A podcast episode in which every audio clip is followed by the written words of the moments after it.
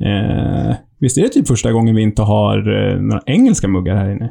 Det stämmer. Jag brukar ju föredra min Luton Town-kopp som är gjord i väldigt tunn och fin och krispig keramik. Jag älskar den, köpt på Kenilworth Road såklart. Vi har en del engelska andra. QPR vet jag finns, Millwall finns. Mm. Millwall ska vi prata om idag. Det ska vi göra. Eh, ja, okej. Jag ty- tyckte jag såg en West Ham-mugg där ute också, men här är det ju faktiskt en italiensk mugg på bordet. Jag eh, tar väldigt sällan parti för italienska klubbar. Jag tycker ju lite om Ascoli ändå. Det finns mycket konstigt med den klubben. Den, Men det- nu står det Lazio-kopp här. Som Lazio-kopp där. Men eh, Ascoli, det är, en, det är en smal italiensk referens. Eh, Det är det verkligen. Ja, men där ska vi inte hamna nu, för det här är något helt annat. Det ska vi inte göra. Vi pratade tröjor. Jag har en matchworn Jonas Portin i Ascoli. Den är, Den får du svårt att slå. på tal om smal, smalare hittar jag nog inte i min Du garderob. i har alla fall. 500 tröjor, men ingen i närheten. Nej, inte så smal i alla fall. Däremot har jag en eh, orange svartrandig Hull City-tröja. Långärmad. Umbro-tillverkare. Michael Dawson, nummer 21, på ryggen. Som du har köpt i Kingston upon Hull. Mm, det gjorde jag på arenan. Och eh, då köpte jag samtidigt en eh, kortärmad med nummer 8 Huddleston till mig själv. Det är fint. Det var fan fint alltså. Ja, två fina spelare. Och nu är han tillbaka. Vad härligt. Mm. Det tycker vi är jättekul. Det gillar vi. Jag tycker att vi har så mycket att prata om i själva podden att vi kickar igång något form av eh, introljud så att ni får värma upp öronen lite inför vad som komma skall. Det blir bra.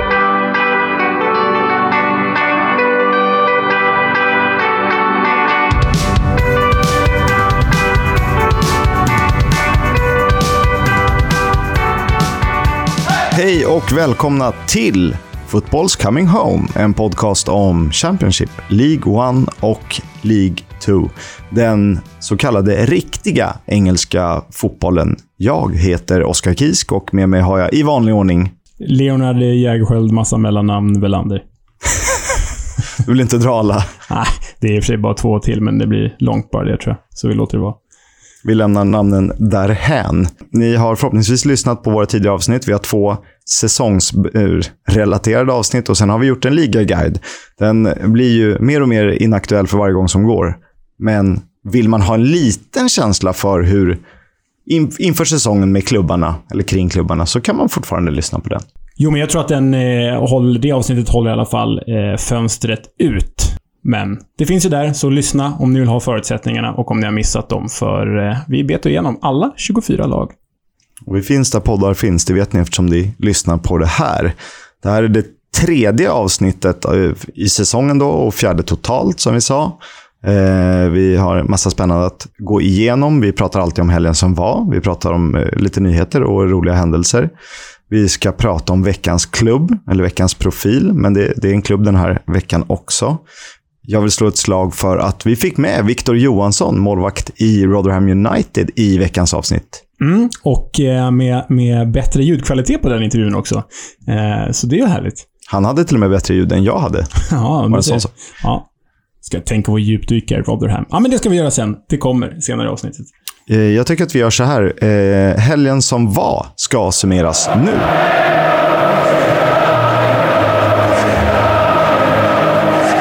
Ja, tre lag är alltjämt obesegrade. De heter så mycket som Fulham, Stoke och West Brom.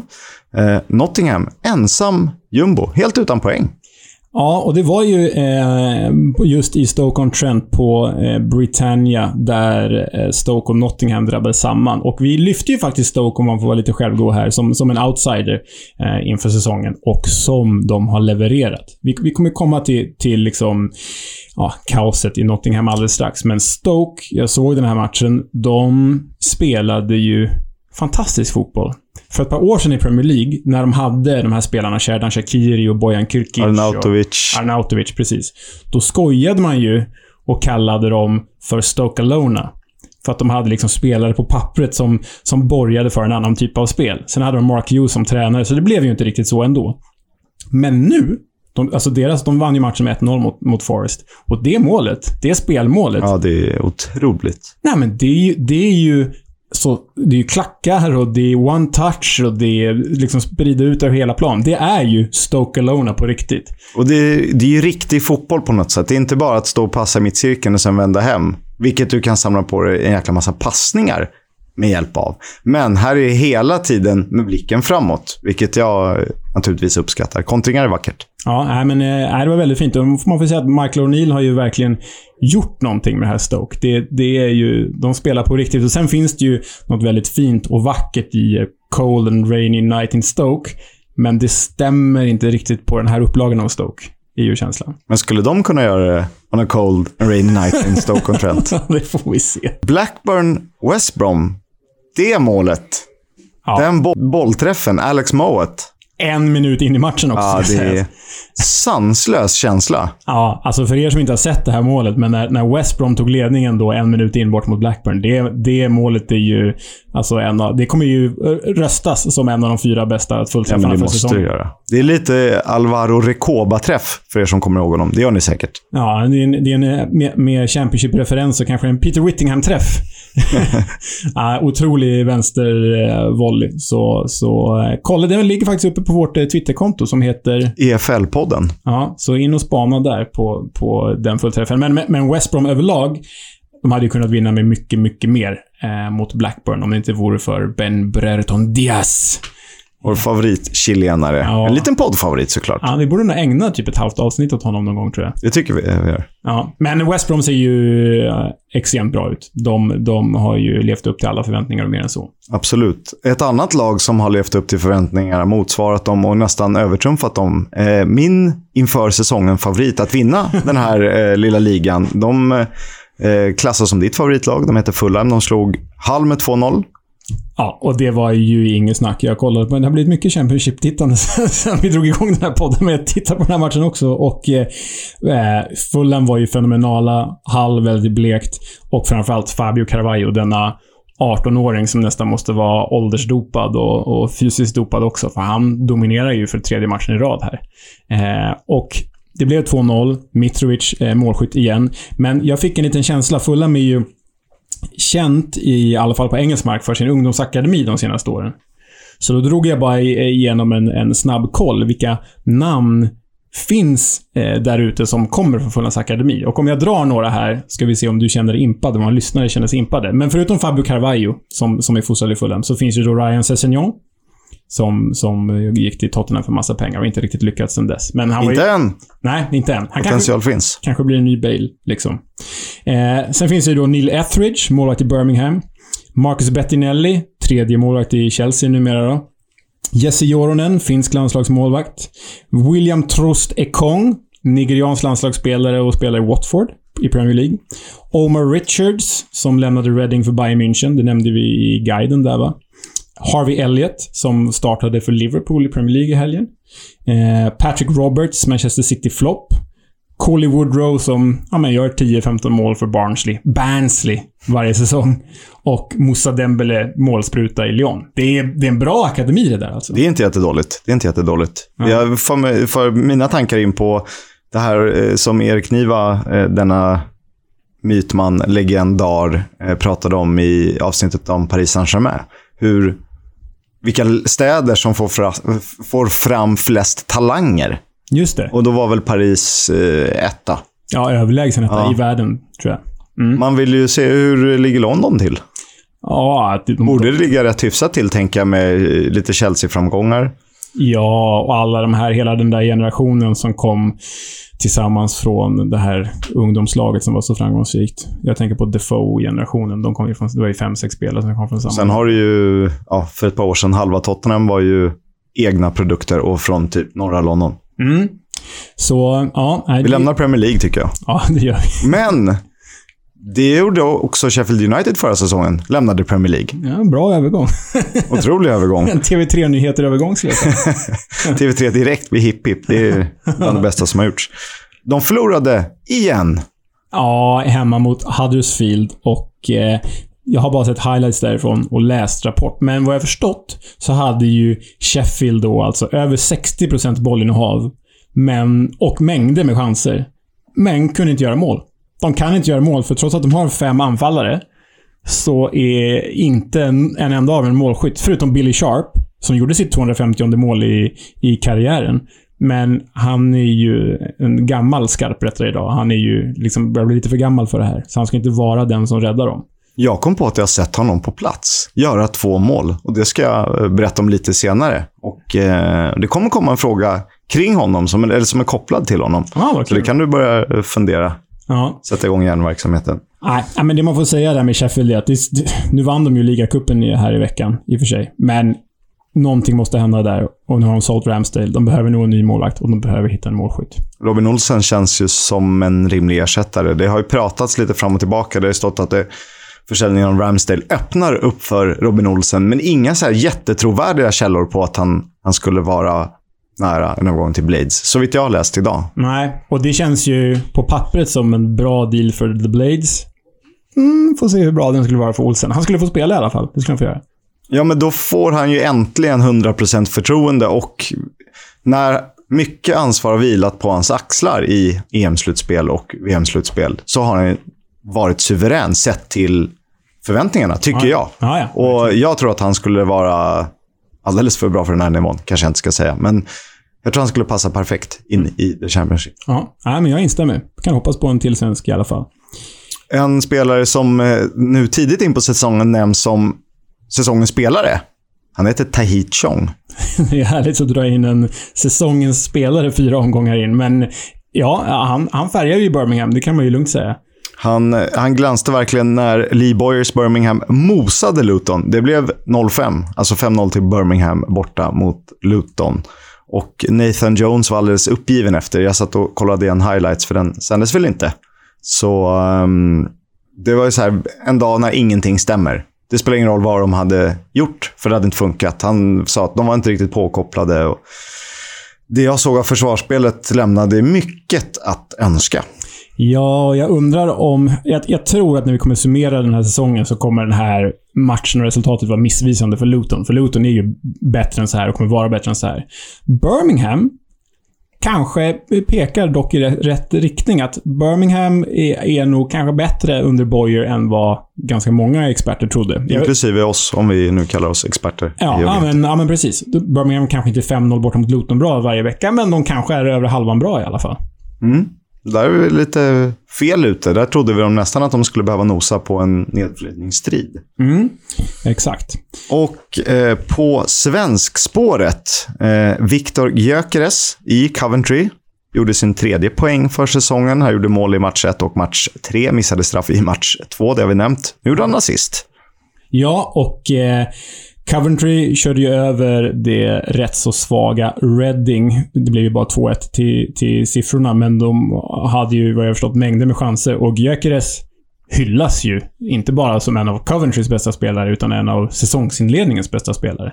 Ja, och eh, litar man på Who Scoreds siffror, vissa gör det, andra kanske inte, så är han med i säsongens lag hittills. Tidigt in på säsongen förvisso, men ändå. Mm, ja, det är, det är starkt. Det gillar vi. En svensk som kliver fram. Och någon annan som klev fram, som jag brann väldigt mycket för. Vissa tyckte det var töntigt, men vi, vi kommer eh, lägga in det här alldeles strax. Det är att eh, hittade en Coventry-supporter som kände sig nödgad att eh, skriva ett matchsammandrag, en, göra en matchsammanfattning av Coventry Reading genom att tolka The Killers låt Mr Brightside. Och eh, jag älskar det här. Oskar får berätta efteråt vad han tycker, men vi kör.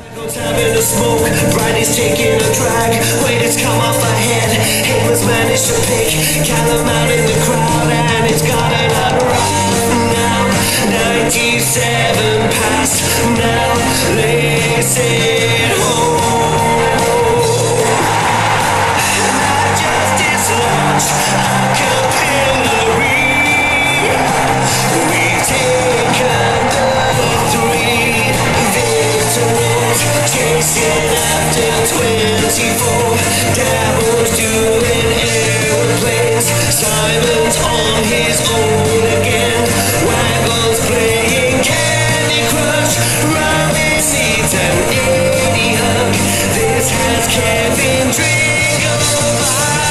Ja, vad tyckte du om det där Oskar? Eh, jag säger inget så är ingenting sagt. Okej. Jag gillar alla former av initiativ och vi vet ju att eh, England är musikens hemland. Det Ja. var det sagt också. Ja, så, så är det ju. Sen var det ju en del övriga resultat som, som eh, klingade in där. QPR hämtade upp 0-2 mot Barnsley. Swansea 0-1 borta mot eh, Bristol City. De vann alltså, för er som undrar. Ja, stark seger. Bournemouth Blackpool 2-2. Eh, En plump i protokollet för hemmalaget. Fin skalp av Blackpoolarna. Derby Middlesbrough 0-0. Preston North End tog väl sin första seger genom att slå Porsche med 1-0.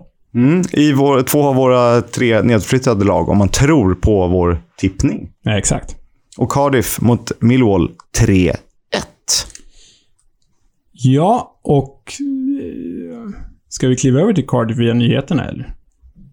Det kan vi väl göra. Have you not been watching? I haven't. På nyhetsfronten då. I skytteligatopp Aiden Flint i Cardiff. Fyra mål på fyra matcher. Och före spelare som Brereton Diaz, Carvalho, Mitrovic, Robinson och Solanke. Men vad är det som sticker ut? Jo, han är mittback. Vi brukar ju prata oss varma om Rob Dickey som gjort ett fantastiskt mål igen i veckan i ligacupen. Men Aiden Flint har gjort fyra mål och han har dessutom noterats för fyra engelska C-landskamper. Det vill man ju lyfta. Ja, Och vad är då C-landslaget? Ja, men det, det har väl... Vad är det? Det är ju, det är ju liksom tredjehandssorteringen. Det är väl typ... Jag vet inte om de där eh, OS för Great Britain räknades som C-landskamper. Nej, men du får nog definiera det här bättre. Nej, det räknas som Great Britain, Så är det. Storbritanniens landslag. Eh, Det är alltså för spelare utanför Premier League och English Football League. Ah, ja, men då förstår jag. Så att eh, Conference League och National League och liknande. De är ju typ proffs idag, men på den här tiden var de ju semiproffs eller amatörer. Just Man kan ju kalla någon form av amatörlandslag. Just det. Ja, men Aiden Flint, alltså vi, vi skrek oss hesa på Rob Dickey här i början när han gjorde tre mål på tre matcher Det inklusive, fortsätter vi göra. inklusive eh, kuppspel. Men nu har alltså Aiden Flint gjort fyra mål på de två senaste matcherna. Och det speciella med det här, med den här mittbacksduellen, vem som kommer göra mest mål eh, av de här två, är att Aiden Flint har gjort alla sina fyra med huvudet. Och Rob Dickey, om vi räknar hans två kuppmål, har gjort alla sina fyra med fötterna. Det är fascinerande. Alltså det är två ganska olika typer av, av mittbacksmålgörare. Men det som är spännande med Flint också, som har gjort tvåsiffrigt en gång tidigare i karriären, eh, det är att han var ju totalpetad i vintras i Cardiff. Lånades ut till Sheffield, Uni- eh, Sheffield Wednesday, som åkte ur. Och där var han också totalpetad. Och nu kommer han tillbaka in i laget under Mick McCarthy, bara rätt upp som kanske lagets viktigaste spelare och främsta målgörare. Två potentiella eh, mittbackar of the year, Ja, om vi pratar om det. Ja, vi får väl följa den här duellen framöver, men eh, där vi får se om panna eller fot är bäst. Att, bäst sätt att göra mål på. Hur tror du Kiefer Moore gillar att göra mål? Han känns ju som en pannakille. Ja, han är verkligen en pannakille, men inte gjort mål än va? Nej, jag tror inte det. Han kan dock vara på väg bort till Premier League. Wolves sägs ha bjudit cirka 7 miljoner pund för anfallaren. Cardiff också, hemmahörande. Ja, exakt. Eh, Jag eh, ramlade över en liten undersökning. Det här var väl inte statistiskt bevisad, eller hur jag nu ska uttrycka mig. Men Daily Mirror skrev i alla fall att för resande bortafans ligger The Hawthorns och Craven Cottage på dela första plats över arenor att besöka. De fick 17% av rösterna var. Det kan väl bero på att det är lag som kanske är uppe i Premier League lite då och då. Eh, så att man inte får chansen att besöka dem så ofta. Ja, dels det och sen om vi ska vara väldigt självgoda eh, eh, Fulham-supportrar här så är det ju faktiskt väldigt eh, skön, fin och vacker arena och omgivning att besöka eh, om man åker till The Craven.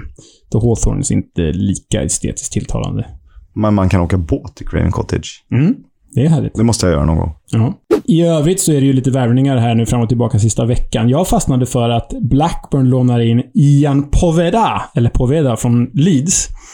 Ungdom. Och Blackburn har jobbat så de senaste åren. De plockade in Harvey Elliott på lån förra säsongen. Supersuccé. Och liksom återigen en slags offensiv mittfältare ytter här. Men han har alltså skolats i, hör och häpna, Arsenal, Chelsea, Barcelona, Brentford och Manchester City. Hur gammal är han? 35 eller? Han är typ 20. Så, Hur har han hunnit? Jag hinner ju knappt gå till mataffären om kvällarna. Liksom. Nej, nej, men det kan bli, kan bli ett spännande namn att följa. För han lär ta en plats i detta Blackburn. En som har tagit eh, plats i den svenska landslagstruppen till VM-kvalet. Han heter Pontus Dahlberg, representerar Doncaster Rovers i League One. Ja, och eh, som du eh, mycket väl noterade i veckan så blev han uttagen i eh, omgångens lag i League One också. Det blev han. För andra gången, va? Dessutom. Var det andra gången? Det kanske var andra gången. Ja, men det kanske var det. Ja. Så eh, man kan ju landa lite i hans nivå här. Det har ju vi pratat mycket om Mm. off mic. Eller off mic. Men, men är han inte lite för bra för League Jag tycker det. Och vi vill inte basha det vi pratar om, för vi älskar de här ligorna. Men man måste ju också ta på sig de analytiska glasögonen inser jag tycker att han är för bra för League One. Sen kan man ju dividera i jämföra ligor. Han stod ju i Häcken och var väl ganska bra där till och med. Eller han var ganska bra där. Eh, hur står sig allsvenskan gentemot Championship? Liksom toppen, botten. Eh, det är svårt att veta. Jag tror ju till exempel att allsvenska topplag skulle kanske få det svårt mot Championship-topplag. Typ Fulham.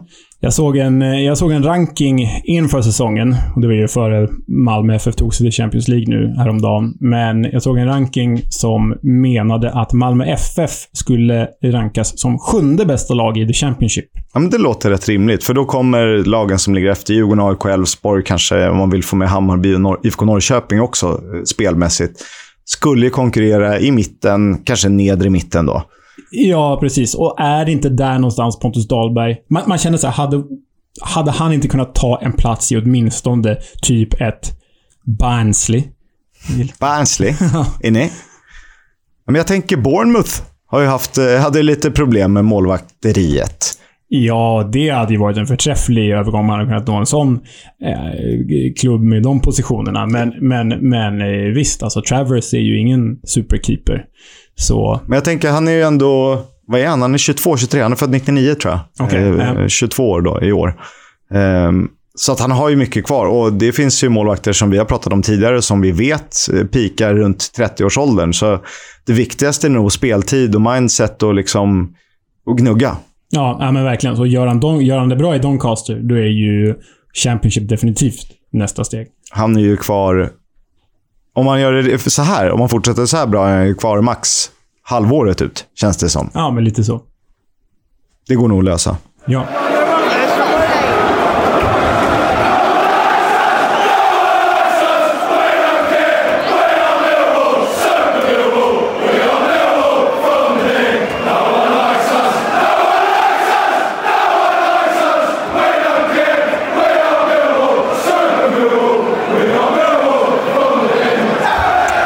Där gillar man ju att höra och vi har ju kommit till det här segmentet som vi gillar att göra.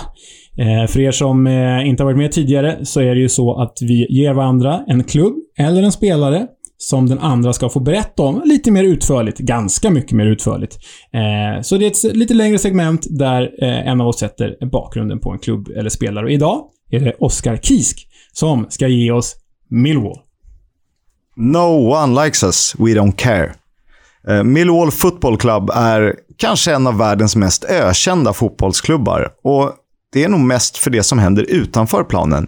Men är det den korrekta beskrivningen? I klubbens snart 140-åriga historia har man gjort blott två säsonger i högsta divisionen. Detta efter seriesegern 1988. Och sedan, sedan tiondeplatsen i First Division, numera känt som Premier League, har det varit en jojo-resa mellan Championship och League One. Eh, och går man till sig själv så blir det ju lätt att landa i icke-idrottsliga aktiviteter när man pratar om Millwall. Eh, med särskilt med tanke på att resultaten har varit rätt ojämna. Eh, det startade som Millwall Rovers, en klubb för arbetarna hos JT Morton, en konservfabrik som låg i Millwall på Isle of Dogs. Alltså, vi måste bara pausa här. Konservfabrik. Det är ju så... Det, är så, det klingar så romantiskt i, i någon slags brittisk fotbollsnostalgiker som mig. Ja, men packa någon form av konserverad fisk, ta på dig basken, ut med att snöra på några skor och så ta på dig din långärmade rugbytröja och ut och sparka boll. Äh, det, lå, det låter som en dröm det här. Ja, sorry. Fortsätt. Och de flyttade runt lite där på ön innan de tog sig till The Old Den. Eh, namnet blev dock kvar och både nya och gamla The Den får ju ses som mytomspunna arenor. Ja, verkligen. Och det, det, det finns ju väldigt mycket med i populärkulturen. Det finns ju både filmatiseringar och, och musik som skrivs om det och, och böcker. Så, så det är ju väldigt mytomspunnet. Det är det. Eh, jag ska citera irländaren Eamon Dunphy som gjort över 270 matcher för klubben när han uttalade sig. The away team dressing room is like a dungeon. No light, no window. The bathrooms are horrible. Then you get out there to face them, the lions. And they just come storming at you. And most sides just jack it in. When you have been there a little time though, you grow to love it. Ja, det, det är otroligt. Och vi, vi går vidare till Gary Lineker. Jag behöver nog inte presentera honom närmare. Han mötte Millwall med Leicester i FA-cupen. I remember thinking to myself, maybe it would be a good idea not to score at this place. For more than an hour, mounted police pushed back hundreds of Millwall fans who'd left the ground early. Time after time, they were pelted with missiles. 47 officers were injured, six went to hospital. Many said it was among the worst violence they'd ever experienced, and the police are now taking legal advice on whether to sue Millwall Football Club for compensation. Ja, men hela Millwall blir ett problem för att alla ser bara problemet, så kan jag väl säga. Eh, och min bild är ju att klubben någonstans andas hellre ökänd än okänd.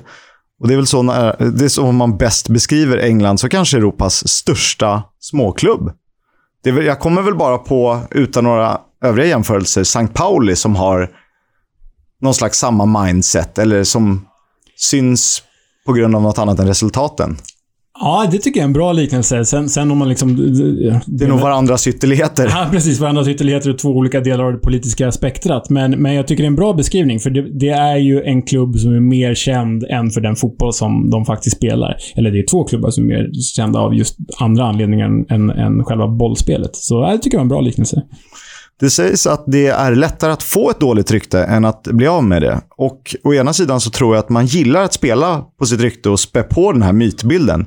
Å andra sidan tror jag att hur hårt man än jobbar för att tvätta bort stämpel så kommer Millwall alltid vara den där mytologiska klubben sprungen ur arbetarklassen och med den engelska supporterstereotypen personifierad. Jag kikade lite på en dokumentär från sent 70-tal och där slås det fast att The glory comes not from the team, but from the reputation of its supporters.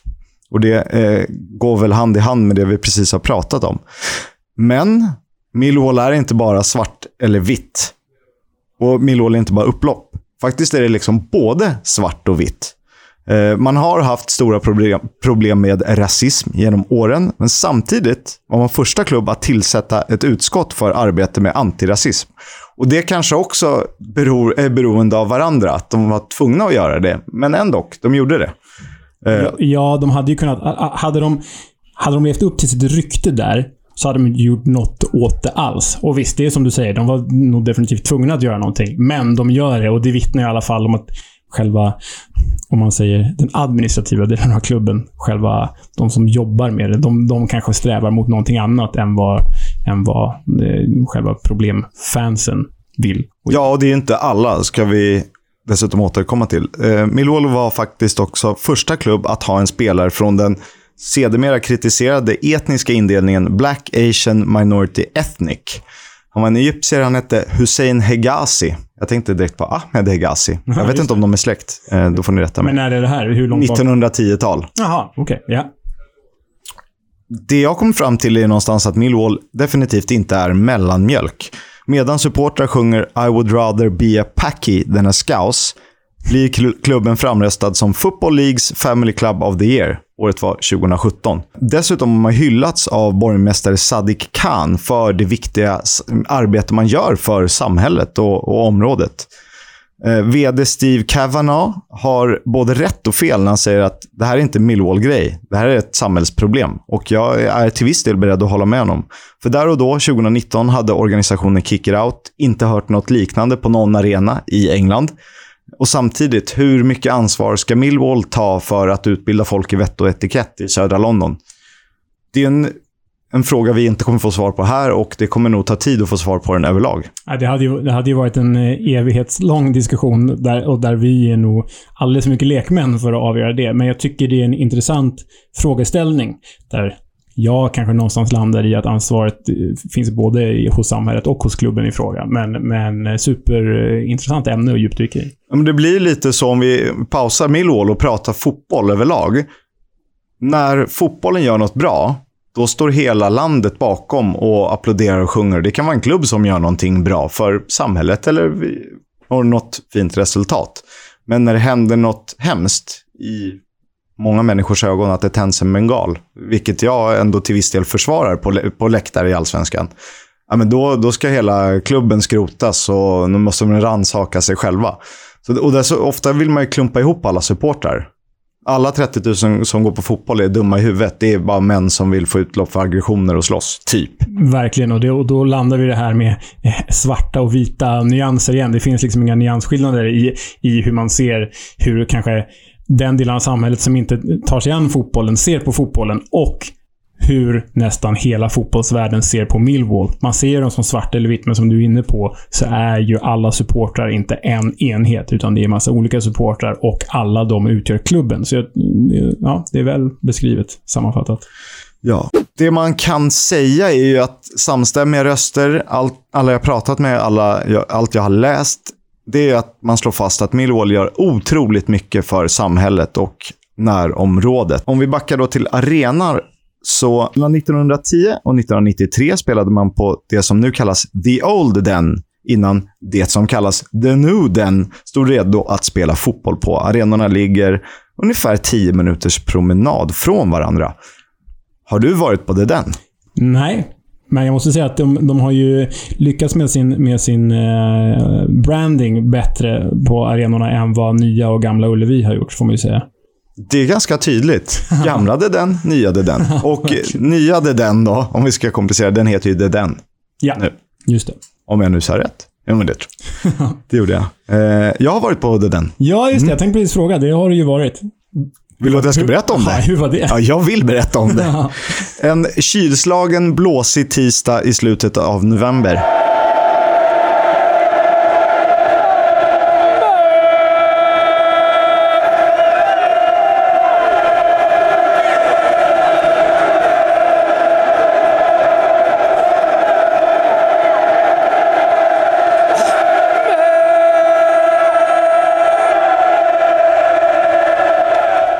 Och vad, vad, vad hände då? Vad gjorde du? Vem var du med och vad skulle ni se?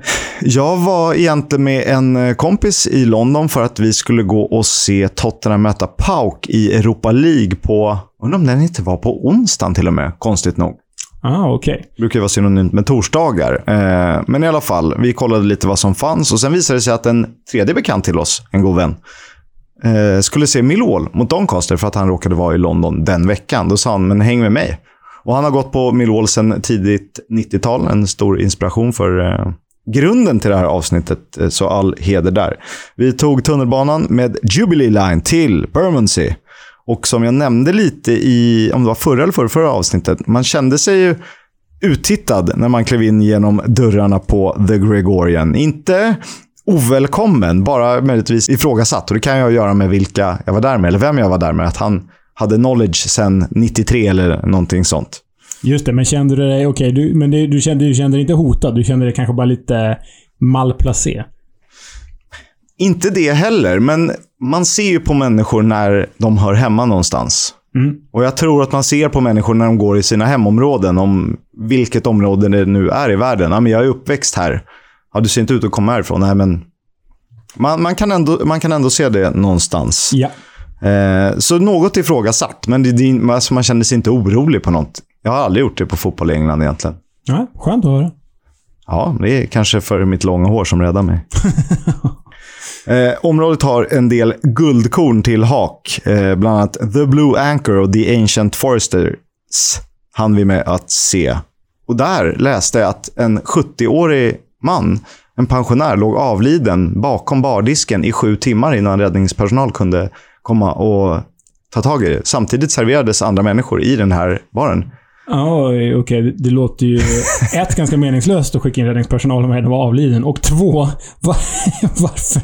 Ja, ja, det, det, det, man ska inte garva åt en stackars man som har dött här, men, men det blir lite så här tragikomiskt. Ja, och vi avslutade vår lilla pubrunda på den pub, det ställe som kanske är mest förknippat med Millwall FC. Bramcoat Arms.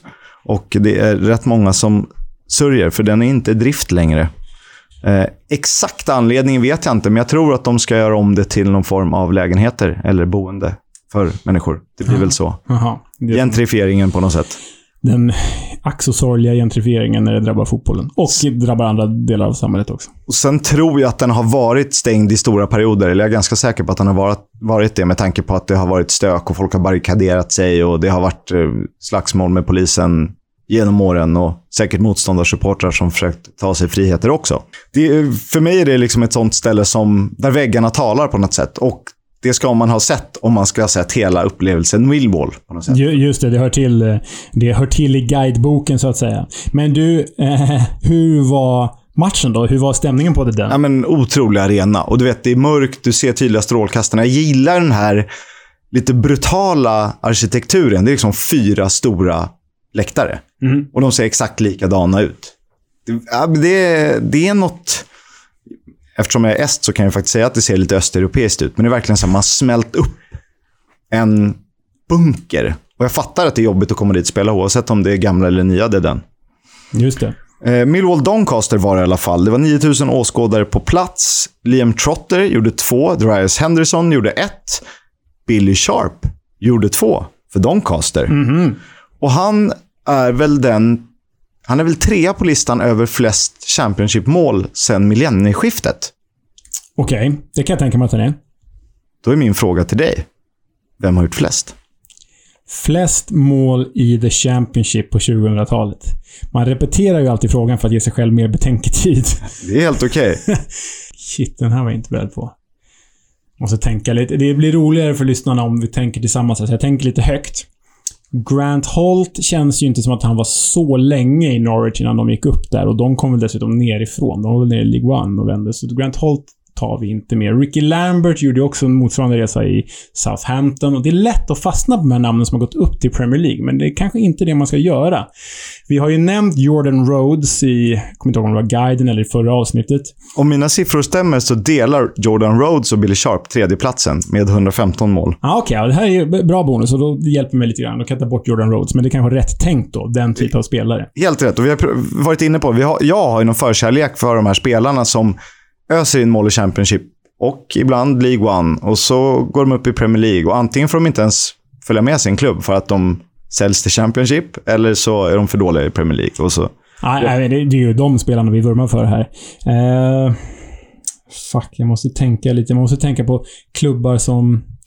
Kevin Phillips har ju spelat för mycket Premier League.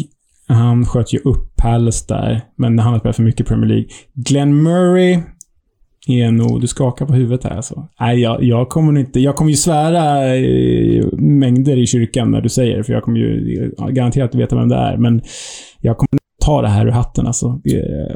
Femman är i alla fall Louis Grabban. Louis Grabban, åh, så, ja, det är ett bra namn i det här sammanhanget förstås. Tvåa, Ross McCormack. Oj!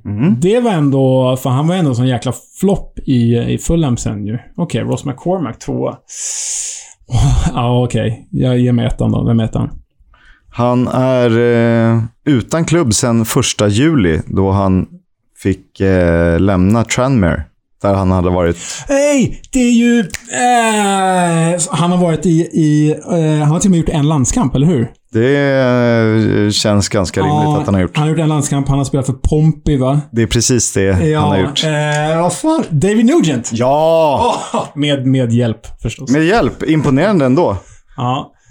Eh, Jaha, Nugent-jäkeln är det alltså. Den bara sitter ni hemma och svär över att hur kan man göra en podd om The Championship och ta så här lång tid på sig och få jävla idiot. Men, men kul att... Eh, Kul att han är med. kul att han är med. Det var, Den var rolig. Rolig nugget. Vi ska återvända till eh, Millwall och jag tycker att det den, en tisdag i november, det är alltid en bra idé. Eh, de har också ett dubbelmöte i Europa i bagaget. Jag vill, har du någon, kommer du ihåg vilka de mötte? Jag råkade veta det här innan jag eh, studerade mer kring Millwall. Ja, jag måste bara sätta det här i något slags sammanhang. Jag antar att det är efter att de lirade fa Cup-final 2004, typ. Dennis Wise härjade omkring där. Han var spelande tränare. Mm. Och de förlorade mot... Var Manchester United? Stämmer. Men då måste man ha fått en Europaplats efter det, men jag har inte en aning om vilka de mötte. Det kan jag inte påstå. just sold a bit short there by McCartney. Highfield goes alone, blocked by Paul. Cahill! He's on the spot. That's his game.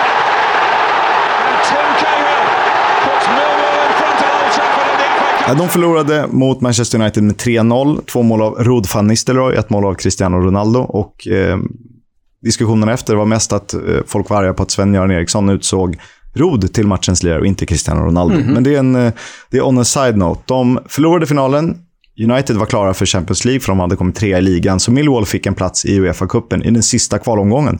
Där mötte de Ferencvaros. Oh, Ungern. Och eh, det låter ju stökigt redan på förhand. Och det blev också stökigt i Budapest. Jag vet att det, jag har några så minnebilder av supportrar som sitter med bandagerade huvuden och liknande. Men eh, kan vi lämna där. De åkte i alla fall ut det och Ferencvaros kom fyra eller något i sin grupp. Mm-hmm.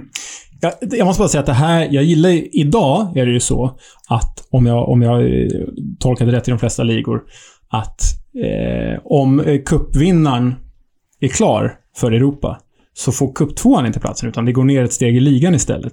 Ja, det är väl typ, det är därför sjuan i Premier League Exakt. då och då. Jag måste säga att jag föredrar, som det var här då, att tvåan i kuppen får platsen. För det är ju mycket större chans och det händer ofta att det är ett Millwall eller Cardiff eller ett Pompey som har tagit sig till final. Ja, eftersom de aldrig kan tävla på Premier League-meriter om de spelar i Championship. Precis. Och medan sjuan i Premier League är ju alltid ett Everton eller ett Arsenal eller ett Spurs. På sin höjd ett Wolves som gör en kanonsäsong. Precis. Så eh, det här skulle jag gärna se att man gick tillbaka till. Att tvåan i kuppen premieras istället för sjuan i ligan. För sjua i liga kan väl alla komma?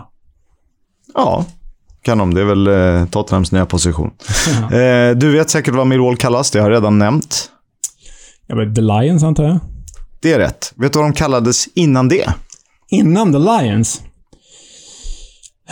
Och det här är ingen sån här quiz. David Nu- Nugent var en quiz. Det här, var mer, det här är mer lite rolig trivia. Nej, jag, jag, jag chansar på the, the Millers eftersom att vi kommer att prata Rotherham. Tänk på eh, läget. Nej, jag vet inte. The Dockers. Ja, men det är det ju såklart. Fan.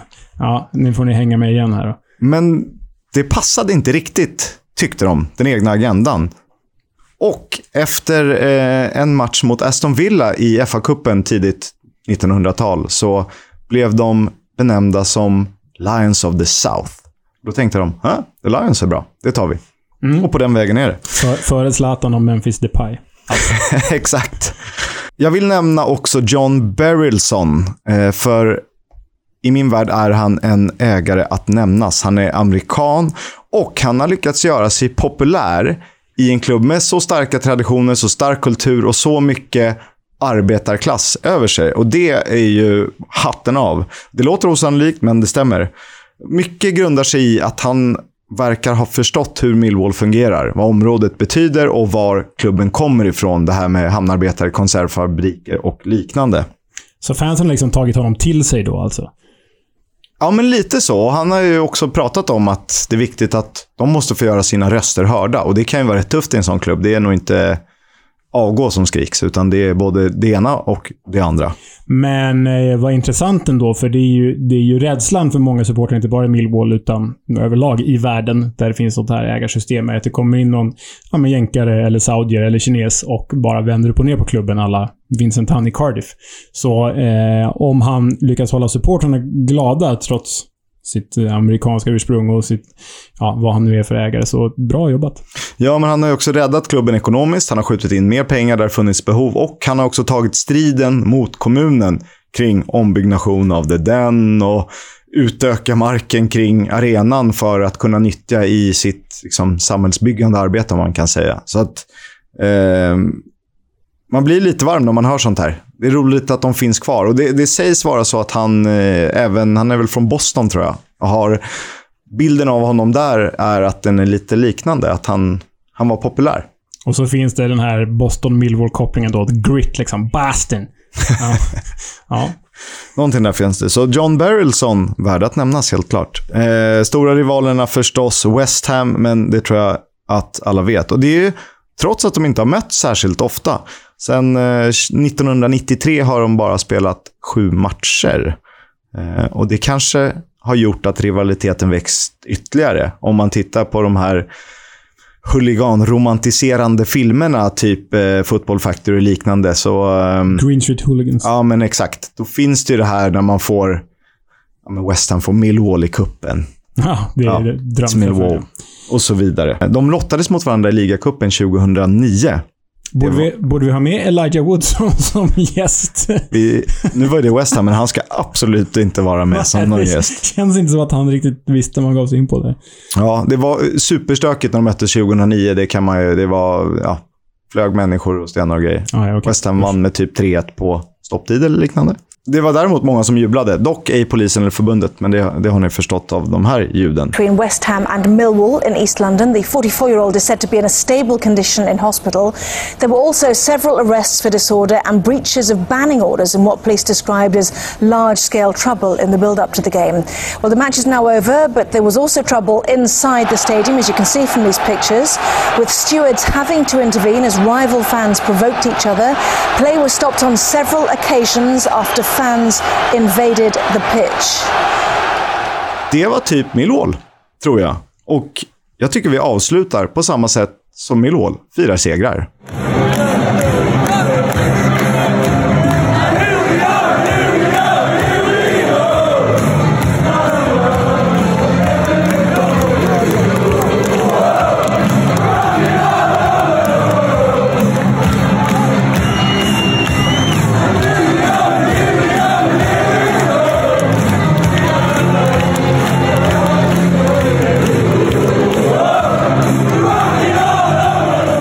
Football's Coming Home sponsras av Stryktipset. Ett spel från Svenska Spel, Sport och Casino. För dig över 18 år. Stödlinjen.se. Ja, vi blickar framåt. Och på helgens Stryktipskupong finns det en riktig Championship-höjdare. Det är två av lagen som är obesegrade. De står båda på 10 poäng. Det är väl de, två av de tre lag som har stuckit ut mest under säsongen. Det är lätt att säga i och med tabelläget. Men jag tycker som jag kände lite inför säsongen att Fulham ser lite för bra ut för den här ligan. Jag eh, tycker att de eh, har en spelartrupp som har en nivå som är något utöver vad som kan krävas. Jag tror att de... eh, Jag, jag står fast vid att de vinner. Och nu möter de Stoke Alona, som bevisligen kan göra det på veckans alla dagar. Eh, jag håller Fulham som favorit i den här matchen och till ligatiteln. Det vet ni. Tack eh, Svenska Spel för att ni är med oss.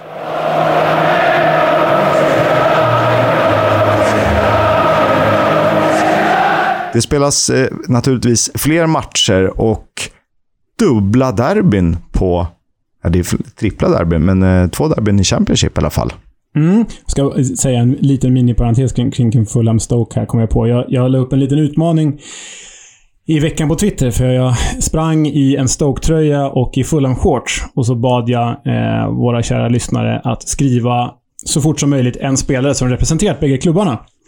Och eh, eh det nämndes faktiskt härliga namn som Paul Pescisolido, gamla kanadensiska anfallaren. Men först och oftast nämnt i det här sammanhanget var Steve Sidwell. Och då är det en shoutout till eh, Gabbiadini 1, tror jag heter. Gabbiadini 1 på Twitter, som vann den här lilla tävlingen. Det var bara det jag ville säga kring den matchen i parentes. Parentestävling. Ja, men du har ju helt rätt. Det är ju eh, två derbyn i, eh, i helgen. Eh, man vill ju gärna se båda och eh, det ena är ju liksom en uppföljning på förra veckan. För förra veckan möttes ju Bristol City och eh, Swansea. Och det var ju inte ett Severnside-derby. Nej, men, men med koppling till Severnside-derbyt. Exakt. För de två delar en gemensam fiende i Cardiff. Och nu möts ju Cardiff och Bristol City i det riktiga Severnside-derbyt. Varsin sida om floden Severn. Varsin nationsflagga på armen, tänkte jag säga. Men Wales mot England, England mot Wales. Det är ju liksom Cardiff mot Ashton Gate och så vidare. Det är två väldigt stökiga firmor det här. Eh, Cardiff är ju ökända och Bristol City, vad jag har förstått, är också väldigt stökiga. Eh, och det finns ju innerligt hat i det här mötet. Och Cardiff går ju ganska bra under Mick McCarthys ledning, får man ju ge dem. Bristol City under Nigel Pearson. Man skulle egentligen vilja se de två bara gå in i en Celebrity Deathmatch. Mick, McCar- Mick McCarthy och Nigel Pearson. helt plötsligt ramlar jag in på Bristol Rovers som tränas av Joey Barton, va? Nigel Pearson, Joey Barton det, det är i ett. Bristol-derby. Ja, det hade varit otroligt. Men, men det är väl fördel Cardiff i det här derbyt, får vi väl säga. Det känns lite som det. Och i det andra derbyt då? Ja, det har ju du ett perfekt smeknamn på. El Clafico. Det är alltså Derby mot Nottingham Forest och eh, eh, för er som inte tar den historiska kopplingen så är det ju för att Brian Clough tränade bägge de här klubbarna. Det gjorde han i East Midlands. Mm. Och hade man på förhand inför säsongen sagt att Derby skulle vara ett mittenlag och Nottingham skulle ligga toksist efter fyra omgångar när de här möttes.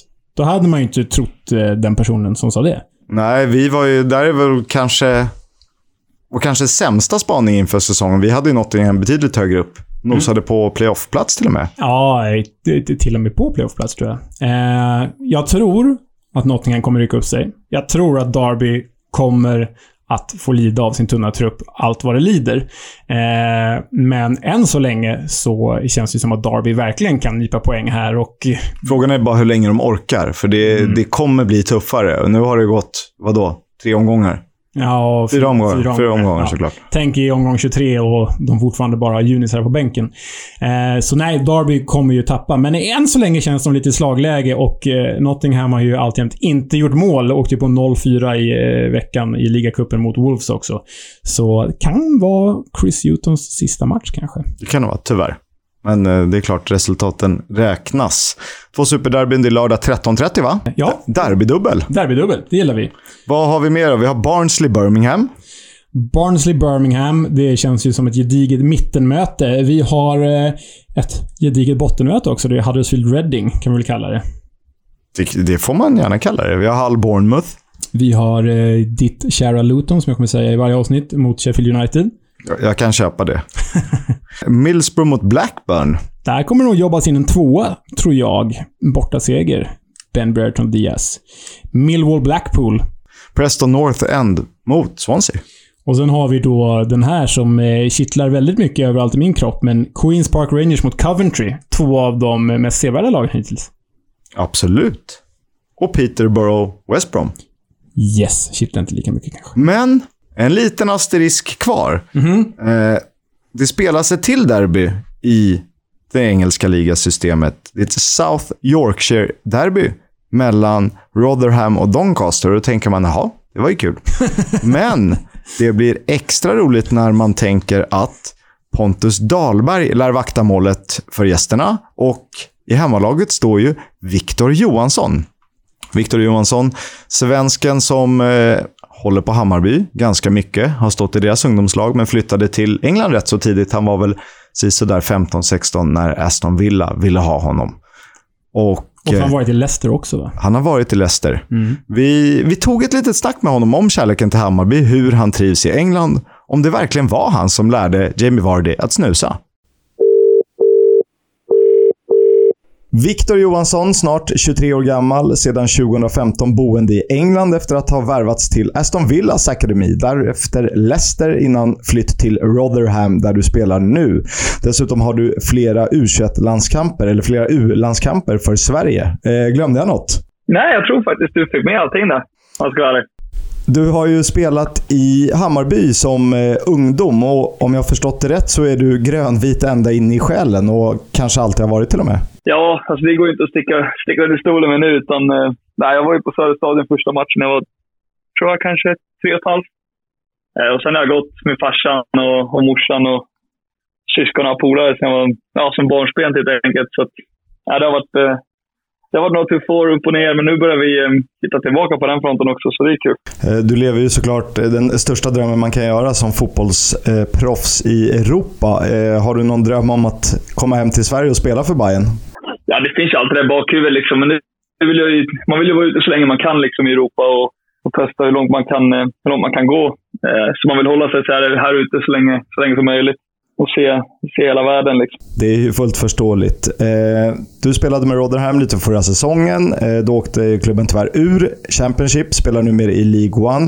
Däremot är du given mellan stolparna. Hur, hur ser dina ambitioner och mål ut, både på kort och på lång sikt? Nej, på kort sikt är det bara att göra så bra som möjligt. Liksom, fortsätta få förtroende, eh, fortsätta arbeta hårt. Eh, och sen som vi sa innan, liksom, på lång sikt, att man vill spela så högt man bara kan eh, och försöka ja, göra det så bra som möjligt för att få chansen. Hur känner du själv? Vad är, vad är en realistisk liksom, målbild i form av klubb eller liga? Nej, man vill, det är ju någon extra liga någonstans i Europa. Man vill ju spela Premier League, man vill ju spela Serie A, La Liga. Man vill ju komma så högt upp som möjligt, så det är väl där man har målsättningarna också. Eh, och sen vägen dit är kommer se annorlunda ut för, för varje person. Eh, men jag, jag, känner mig, jag trivs där jag är nu och jag trivs.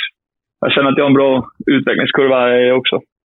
Om vi talar om då eh, Rotherham, hur, hur är det, funkar det som lag? Vilka är styrkorna? Var är svagheterna? Styrka, vi är ett rätt fysiskt lag. Vi gillar att hitta upp på vår striker och sen mycket inlägg. Så där har vi en stor styrka. Och sen lagsammanhållningen också är riktigt bra. Vi har behållit många spelare från förra året och där har vi en stark trupp för övrigt. Liksom. Eh, och svagheterna vet jag inte riktigt än. Jag tycker faktiskt vi har sett, eh, vi har sett stabila ut och förtjänar mer än, än sex pinnar nu än vad vi har fått i början. Så att, eh, det är tidigt att säga på säsongen också, men vi känns, vi känns starka. Bred trupp, bra spelare. Ja, det är väl där vi ser ut just nu. Det, när du beskriver ert spel, det låter lite som det klassiska brittiska laget. Är, är ni liksom en stereotyp av hur man ser på engelsk fotboll? Ja, alltså det, det, det är liksom vad vi växte upp med kan man säga. Att så här är det. Det är tufft. Det är, det är tufft spel, fysiskt spel och det är mycket inlägg. Det är väl liksom basen för allt, ska jag säga. Eh, om vi blickar tillbaka till förra säsongen så får man ändå säga att det var ju lite av ditt stora genombrott som seniormålvakt. Hur, hur upplevde du den? För du tampades ju med och konkurrerade delvis ut Jamal Blackman tidigare i bland annat Chelsea och Östersund. Ja, nej, men det var ju, det var ju lite som när vi skrev på, att man förväntar sig inte att, att spela. Man arbetar ju hårt för att hoppas att få spela, men man förväntar sig inte riktigt att få 20 matcher innan man klev in i säsongen, utan det var ju en riktig bonus. Eh, men jag tyckte det kändes bra. Det var ju det är lite annorlunda än U23 som man spelat innan. Utan här är det ju verkligen tufft. Jag, menar, jag tror inte jag hade en, en match utan en skada någonstans. Om det var ja, en hjärnskakning eller blåtira eller hit och dit. Utan det var, det var tufft. Och det var lite en omställning på det sättet. Eh, och sen hur viktiga tre poäng faktiskt är. Jag menar, U23 eller utvecklingslag så är det ju, det handlar om utvecklingen framför allt. Men här när du kommer upp ett steg så är det, det är tre poäng som gäller och sen hur vi spelar, det kvittar liksom. Så det var väl största ja, omväxlingen liksom. Omväxlingen kanske man säger.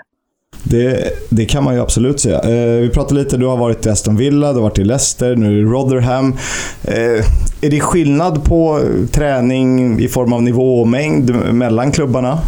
Det är svårt, det är svårt att säga eftersom jag var med, alltså mestadels med, med U-lagen både i, i Aston Villa och i Leicester. Så är det svårt att säga Eh, Eh, men det är mycket mer, det är som jag säger, det är mer fysiskt här. Liksom. Det, är, det är tuffare på träningar, det är tuffare på matcher. Eh, det går, det, sen går det ju snabbt, liksom. men det är mest den fysiska delen jag skulle säga är den största, största skillnaden liksom, på just de tre lagen. Nu har du varit i England i fem eller sex år vad det blir. Eh, trivs du i England och hur, hur är Rotherham som stad? Ja, jag trivs jättebra i England. Det har jag alltid gjort. Eh, första året var vi jobbigt när jag kom till, till Birmingham där. Eh, när man fick lämna morsan, farsan och, och syrrorna och sen bara sticka. Men nu trivs jag jättebra och, och bor lite utanför Rotherham. Eh, mellan Sheffield och Rotherham. Eh, vilket är, det är rätt fint. Liksom. Det är en härlig stad. Rotherham är en rätt liten stad, så det är många som bor i Sheffield just för att det är lite större och mycket mer liv där. Men nej, jag har inget att klaga på alls, utan det är, det är perfekt för mig och, och min flickvän att, att bo här.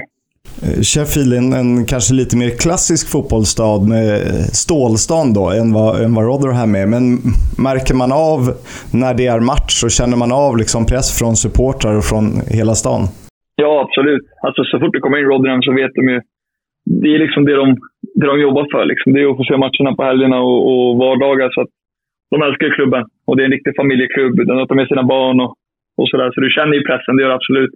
Eh, vilket är rätt kul dock, för det är, det är lite det man har saknat när man spelar i ungdomsfotboll. Att man känner inte den riktiga pressen som, eh, som man gör här när man kommer upp. Och, och det är liksom 10-12 000 på läktaren varje match här och, och sådär. Det, det är verkligen på liv eller död. Det, det märker man väl i din situation? Ja, oh ja. Alltså, det är verkligen så. Det är, det är vissa som skämtar om det, men det är verkligen... Det betyder så mycket mer än vad folk kan förstå, tror jag. Speciellt när man bor, eller där man är i ett ställe där det är det är liksom fotbollen som gäller. Utan det är ingen annan sport. Eller det finns inget annat riktigt att göra. Utan det är det man vill det är det man ser fram emot hos supportrarna och sådär. Så, ja, det betyder mycket för, för staden.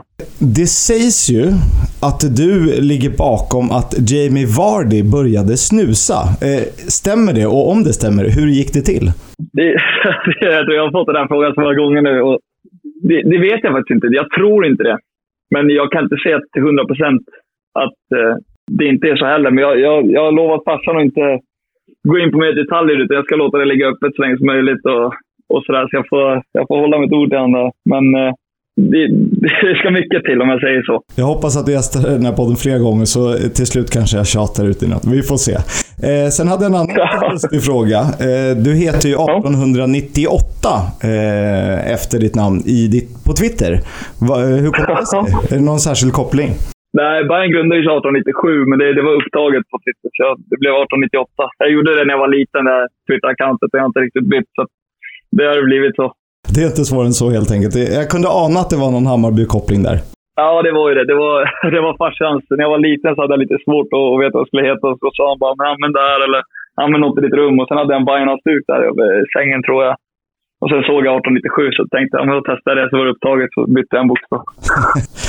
Ibland är det inte svårare än så. Du, i helgen så väntar möte med Doncaster, vilket betyder att det är en liten svensk fight. För i andra laget står Pontus Dahlberg och ni känner varandra från ungdomslandslagen, tänker jag. Ja, precis. Vi har ju, vi har ju träffat där på v landskamperna där och sen har vi käkat middag i, i Sheffield också när han flyttade ner. Så att, han är en jättetrevlig kille och ser fram emot att få träffa honom på plan också.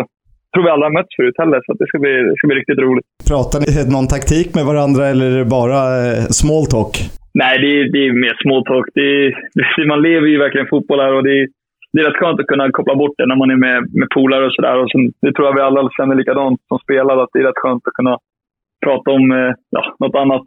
Eh, bara för att koppla bort liksom. Fullt förståeligt såklart. Eh, jag hoppas att det går superbra i helgen, både för dig och Pontus, om man kan säga så. Det är jätteroligt med alla svenskar i League One och i övriga delar av det engelska ligasystemet. Superroligt att du var med Viktor. Jag hoppas vi får anledning att prata igen framåt, lite längre fram på säsongen. Ja, absolut Oskar. Jättetrevligt att få vara med också. Jätteroligt. Stort lycka till och ta hand om dig så hörs vi. Tack så jättemycket och detsamma. Ha det bra. Johansson och Dahlberg kompisar utanför planen och eh, fiender på blir de ju i helgen. Ja, och eh, det här är ju, det är ju inte bara intressant då för den här derbykopplingen som finns, men det är ju faktiskt väldigt intressant för Dahlberg är ju, som vi nämnde tidigare i avsnittet, tredje målvakt i landslaget för tillfället. Och Viktor Johansson eh, uppmärksammades ju eh, av Erik Niva eh, redan förra säsongen där när han petade Jamal Blackman i, i Rotherham-målet och gjorde det ju bra. Rotherham åkte ur, men, men eh, Victor Johansson känns ju som en spännande målvakt som, likt Dahlberg, med en bra säsong med sig här, så kanske han spelar i en annan klubb om Rotherham inte skulle gå upp. Så, så eh, mm, det, det här ska man ju, om man kan, hålla ett öga på. Jag tror det är en spännande duell. Rotherham är också spännande. Det finns ju lite där. Det blir ju inte förorter till Sheffield såklart eftersom det är egna städer, men det är ju på något sätt i skuggan av Sheffield ändå. Ja, nej, men verkligen. Det är ju mycket som är i skuggan av stålstaden. Men det finns en koppling här mellan eh, den här intervjun och vårt nästa segment. Som vi inte riktigt har ett namn på än. Nej, men vi har en vignett. Det har vi.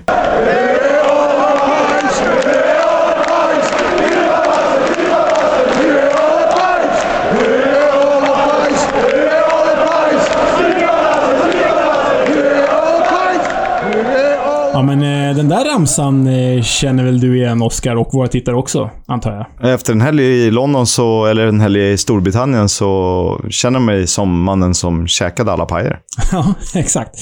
Och eh, som, som du nämnde, så är det ju här eh, ett, en, eh, ett segment som inte kommer att vara i varje avsnitt, men det kommer att vara återkommande under liksom, poddens gång, som handlar om, ska säga, fotbollskultur och fotbollskulturella fenomen i England. Det tycker jag låter som en ganska bra beskrivning. Och då är det liksom allt från pinten före match till vad man äter och dricker på matchen till hur... Ja, men allt som är liksom kopplat till fotbollen som inte är fotboll egentligen. Exakt. Och helst Musik kan du också.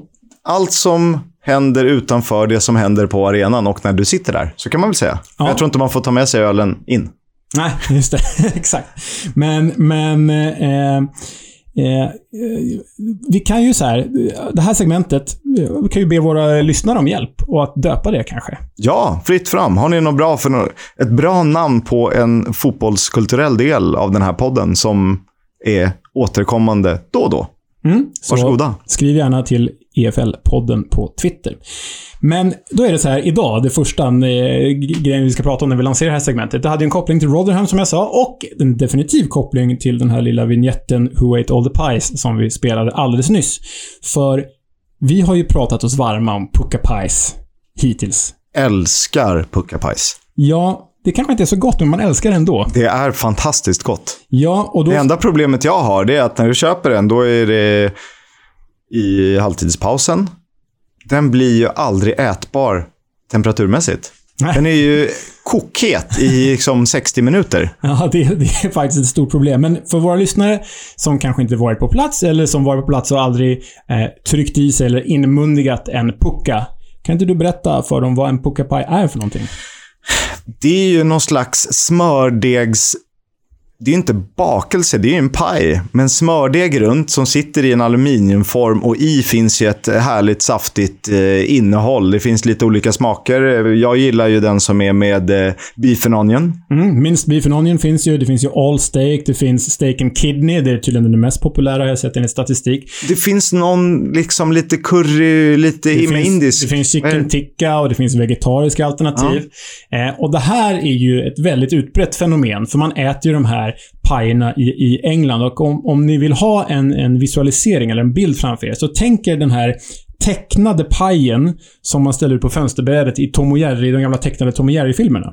Så, fast i miniatyrformat. Ja, exakt så. Och de har faktiskt funnits. I Sverige fanns ju den engelska butiken som jag faktiskt tror att Kenny Pavis fru drev. Jaha. On a side note. Eh, där har de funnits. För jag har själv varit, eh, när jag jobbade på Söder så gick jag till Söderhallarna inför någon match jag skulle titta på. Så köpte jag mig ett par puckapajs la i frysen. Men det tog ju fasansfullt lång tid att värma.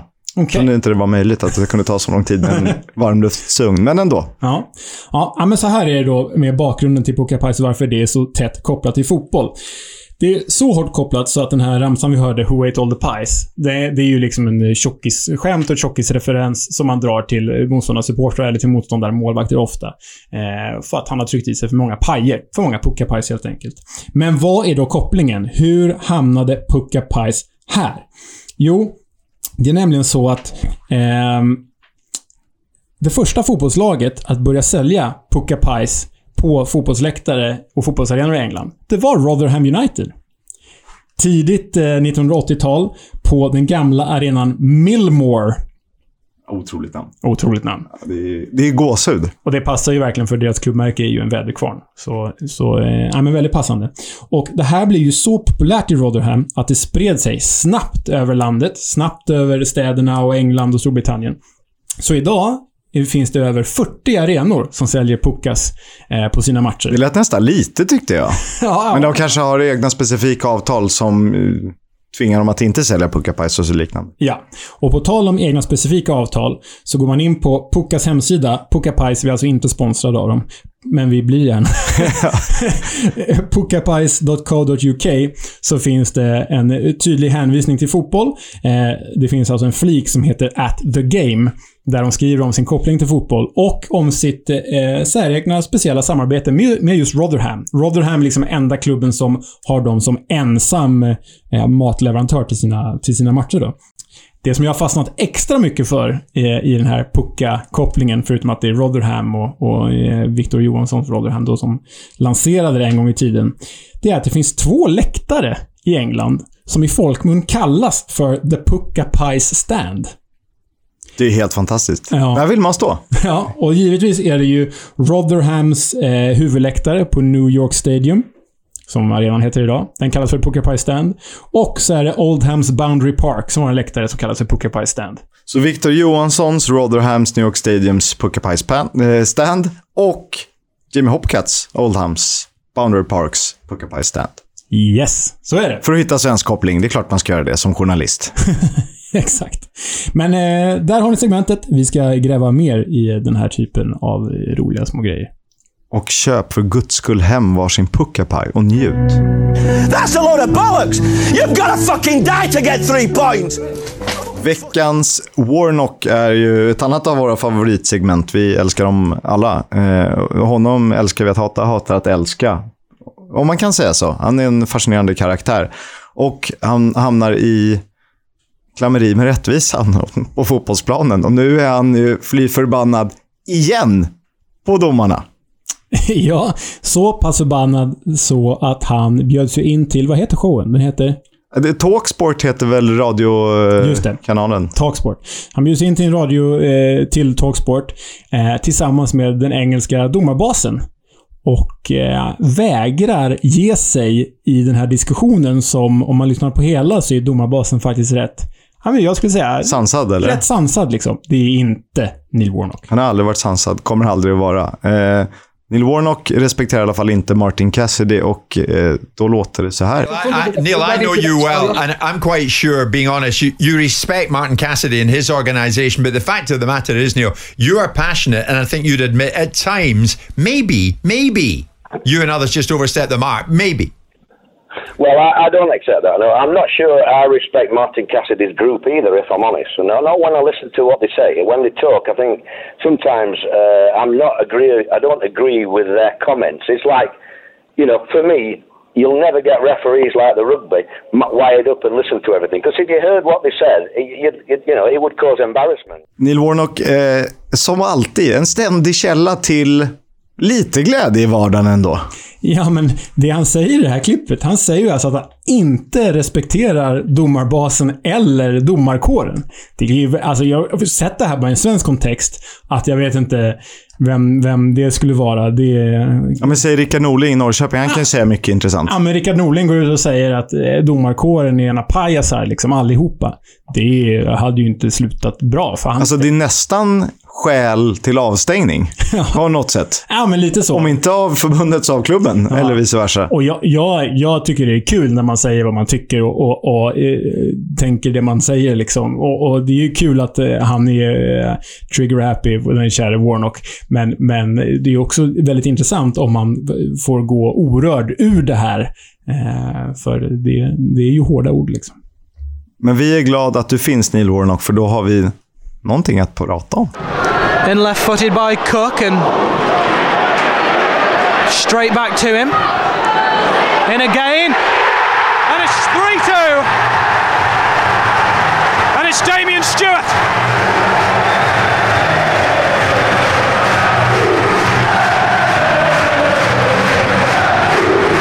Another really good cross. Another really deep cross. This time high for Stewart to rise and power the ball past Grant. And from 2 0. Där hörde ni alltså ett litet klipp från en match som spelades för sisådär 12 år sedan.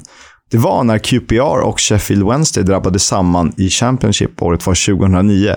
Supportrarna hatade Flavio Briatore vid den här tidpunkten. Det kanske de gjorde hela tiden. Men här och då så nådde det liksom sin kulmen. Och de protesterade högljutt på eh, olika håll och kanter. Vissa ville ta protesten till ytterligare en nivå. Och här la vi ut en bild via EFL-podden på Twitter. Jag tror att du såg den.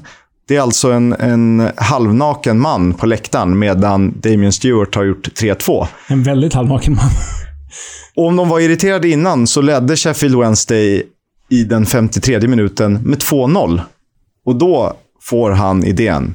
Jag ska streaka, alltså klä av sig naken och storma in på planen. En QPR-supporter alltså. En QPR-supporter. Han var så förbannad. Problemet är att det tar så pass lång tid för honom medan han håller på att planera när han ska göra det, hur han ska göra det. Så Hoops hinner göra både 1, 2 och 2-2.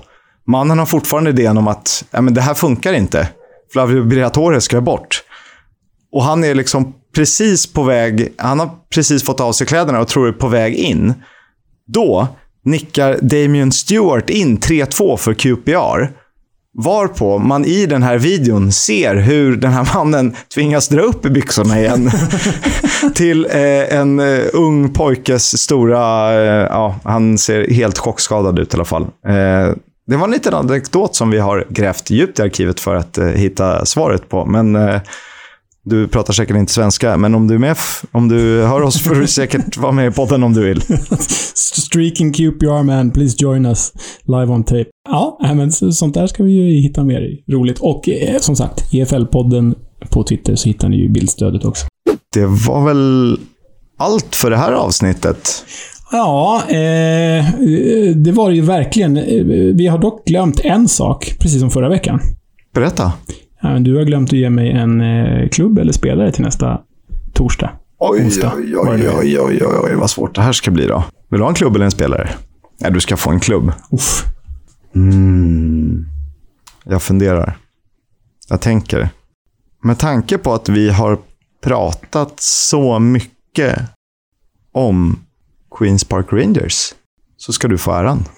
De bittra rivalerna. Nej, jag ska vara ärlig och säga att jag faktiskt, konstigt nog, hyser ganska gott öga till QPR fast jag håller på fullen. Det blir kul! Loftus, Fantastiska Loftus Road. den arena jag varit på flest gånger i England. Så- Är det det? Ja. Hur många gånger har du varit där? Ja, det är inte så många gånger. Tre gånger. Ja, men ändå. Ja. Eh, denna solblekta, urinindränkta institution till fotbollsarena. Det ska bli kul att prata om QPR. Eh, Jag får knappt plats. Och du, Leo, är ju ett huvud längre ish än vad jag är. Hur får du plats undrar jag? Jag får inte plats. Jag är ju alltså typ två meter och jag får ju sitta som en men, eh, gammal överklassdam på, på, eh, liksom, i lokaltrafiken som får vika sina eh, ben lite sådär snajdigt åt sidan. Eh, så sitter jag, för att inte liksom ha sönder kjolen eller varför de nu gör så. Men så sitter jag både på Loftus Road och på Craven Cottage, ska det ju sägas. Leo Jägerskiöld, Täbys Cruella de Vil. Precis.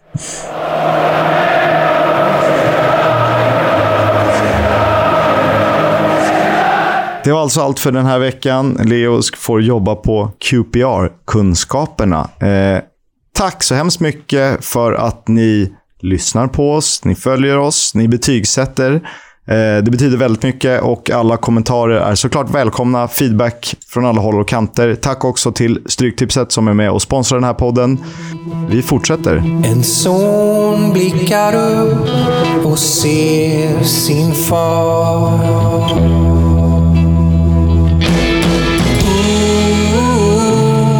Upptäckta vägar, de han tar. När det regnar kallt och ibland när kampen leder ända fram. Då ses vi på lördag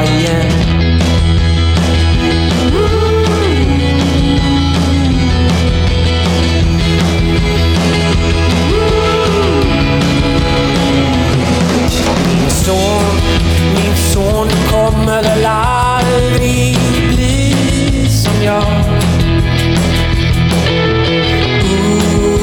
Ooh, alla dina chanser, gör vad du ska. Ibland så regnar det kallt, men till slut leder kampen